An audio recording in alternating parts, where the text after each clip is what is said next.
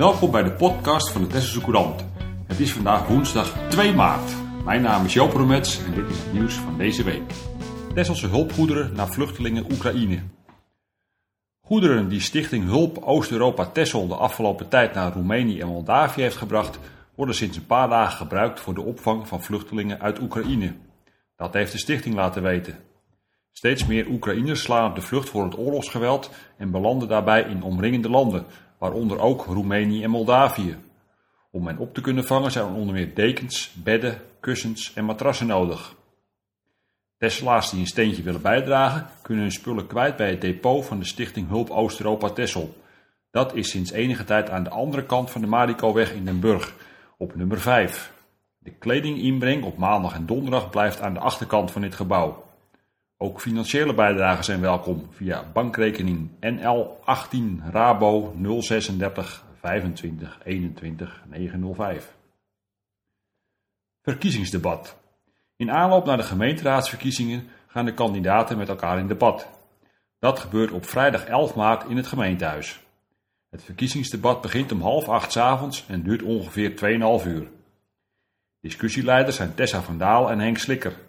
De organisatie is in handen van de Tesselse Courant, Tessel Kijken en Luisteren, de Helderse Courant, Radio Tessel en Tesselse Media. Het debat is te volgen via de diverse kanalen van de media op het eiland. De kandidaat-raadsleden gaan ook in op vragen van luisteraars. Tesselaars die een vraag hebben, kunnen deze van tevoren indienen via de website www.vragenvandetesselaar.nl. Bankgebouw ING in de verkoop. Het gebouw in Den Burg, waar tot vorig jaar de ING was gehuisvest, staat te koop. Volgens verkoopmakelaar De Tesselse Makelaars heeft het voormalige bankgebouw een ruime bestemming. Dat betekent dat er op termijn mogelijk nieuwe ontwikkelingen in het centrum van de Burg te verwachten zijn. De verkoop van het pand verloopt tot donderdag 21 april via inschrijving bij de notaris. Het pand werd in 1997 in gebruik genomen door de ING nadat de bank aan de Binnenburg uit haar jasje was gegroeid.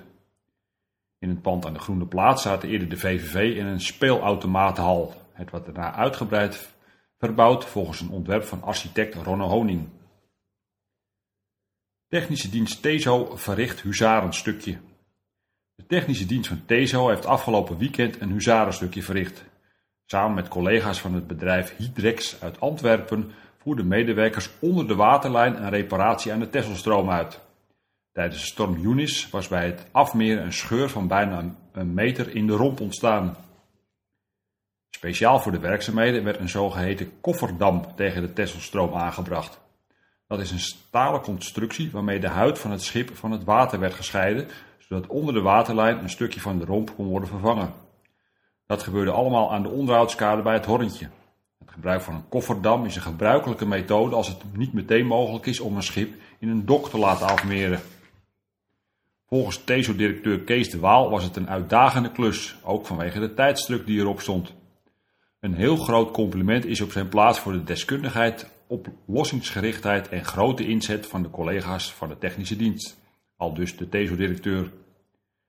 De Tesselstroom mocht door de schade niet met passagiers varen, precies op het moment dat de voorjaarsvakantie van de regio Noord ophield en de voorjaarsvakanties van de regio's Midden en Zuid begonnen. Daardoor ontstonden wachttijden in beide richtingen.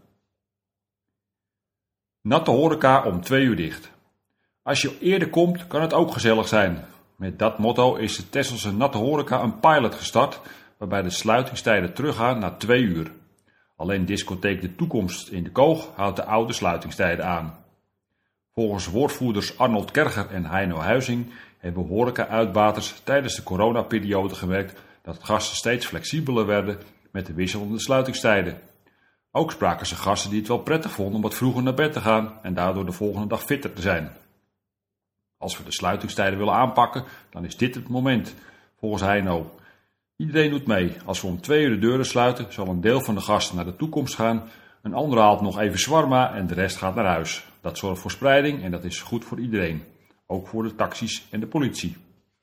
De pilot duurt tot aan het begin van de zomer en wordt in juli geëvalueerd. Nico Dros op shortlist Librisprijs.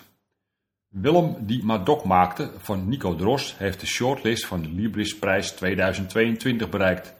Daarop staan in totaal zes titels die kans maken op de prijs van 50.000 euro. Op 9 mei wordt de winnaar bekendgemaakt.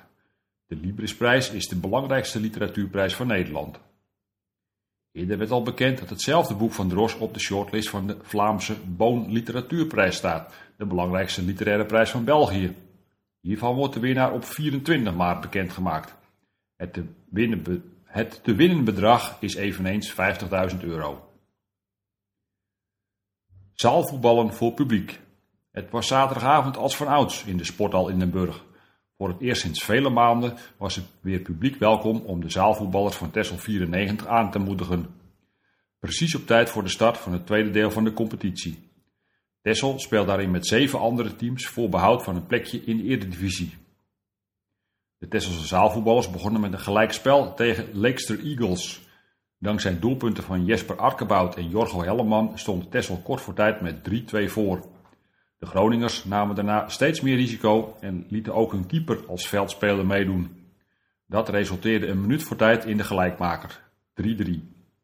Komende zondag speelt Tessel 94 een uitwedstrijd tegen ZVV Den Haag. Weinig sport in verkiezingsprogramma's. We hebben de verkiezingsprogramma's van alle partijen doorgenomen en de aandacht voor sport past op een half A4'tje, bij elkaar opgeteld. De meeste partijen schrijven maar een paar zinnen over, zonder diepgang en er zit geen visie achter. Een gemiste kans om wat te doen voor de gezondheid van de Tesselaars. Albert Hoven en Gert Pansier, bestuursleden van de Sportstichting Tessel, zijn teleurgesteld in de lokale politiek. Natuurlijk zijn thema's als klimaat, wonen en onderwijs heel belangrijk, maar dat is gezondheid ook en sport speelt een belangrijke rol in preventie. Inwoners die bewegen lopen minder kans op gezondheidsklachten, zegt Pansier. De coronapandemie heeft volgens hem aangetoond hoe belangrijk het is om goed gezond te zijn. Sport en bewegen zijn daarmee onlosmakelijk verbonden. Volgens Hoven heeft Tessel op sportgebied een uitstekende infrastructuur met prachtige accommodaties, maar schort het aan doordacht beleid. Binnen sport en welzijn is het landschap versnipperd. Iedereen blijft vooralsnog op zijn eigen eilandje zitten. Wij vinden het een taak van de gemeente om hierin de regie te pakken. Meer over het gemeentelijk sportbeleid in de Tesselse krant van vrijdag 25 februari. Staatsbosbeheer sluit sluippaadjes. Om paal en perk te stellen aan het groeiende gebruik van sluippaadjes in de dennen, sluit Staatsbosbeheer ze af met prikkeldraad. Zo'n sluippad lijkt misschien onschuldig, de gevolgen voor het bos en de soorten die er leven kunnen groot zijn. Door de toegenomen recreatiedruk zijn er steeds minder plaatsen waar vogels zonder verstoring kunnen rusten en broeden, vertelt boswachter Mariette Smit. De maatregel is door niet iedereen met gejuich ontvangen. Op sociale media klinkt kritiek van recreanten die zich overvallen voelen. Maar er is ook bijval. Staatsbosbeheer heeft de afgelopen jaren op allerlei manieren geprobeerd het aantal sluippaadjes terug te dringen, onder meer met het plaatsen van informatiebordjes en het dichtstoppen van paadjes met boomstammen en takken. Actie voor de bouw van windmolens. De gasprijs is verdrievoudigd, die van elektriciteit verdubbeld, de aarde warmt op, de zeespiegel stijgt en het weer wordt steeds extremer. We barsten van de wind, maar we benutten het niet, door tegenwerking van de politiek en andere invloeden. Tijd voor veranderingen. Dat zegt Cor van de Knaap, pleitbezorger van windenergie. Hij beseft dat veel Tesla's uit angst voor horizonvervuiling het niet met hem eens zullen zijn, maar is daar zelf niet bang voor. Ik, ik heb geen tunnelvisie en wil Tessel echt niet vol trappen met torenhoge windmolens, zoals in de Wiedingenmeer van 180 meter hoog, of die van Europoort 250 meter hoog. We zijn een democratie en dan zoek je met elkaar de middenweg. Ik denk aan 10 windmolens van maximaal 70 tot 80 meter hoog, achter de dijk in de buurt van de Kom bij de Nioshaven. Daarmee kun je per jaar in totaal 30, 30 miljoen kilowattuur opwekken, becijferd van de knaap. Daarmee zijn we nog niet. Tesla gebruikt jaarlijks zo'n 80 miljoen kilowattuur. Maar er zijn nog vele schuren waarop we zonnepanelen kunnen plaatsen. Het is niet van de knaaps bedoeling dat de opbrengst in de zakken van rijke investeerders vloeit. Nee, wij als Tesla's zijn eigenaar. Elke Teslaar kan aangehouden worden. Stel je eens voor, nu betalen we ons blauw aan energie, straks verdienen we eraan. Bovendien, we willen toch niet afhankelijk zijn van Poetin? Aldus van de knaap. In de Tesselse krant van vrijdag 25 februari staat naast een interview met hem een door hem betaalde advertentie met de mogelijkheid om een petitie voor winterenergie te tekenen. De Tesselse Courant verschijnt twee keer per week en staat steeds boordevol nieuws, reportages en achtergronden. Neem ook een abonnement op de lokale krant van Tessel. Kijk op www.tesselsecourant.nl voor de mogelijkheden. Bellen kan natuurlijk ook tijdens kantooruren op nummer 0222 362 600.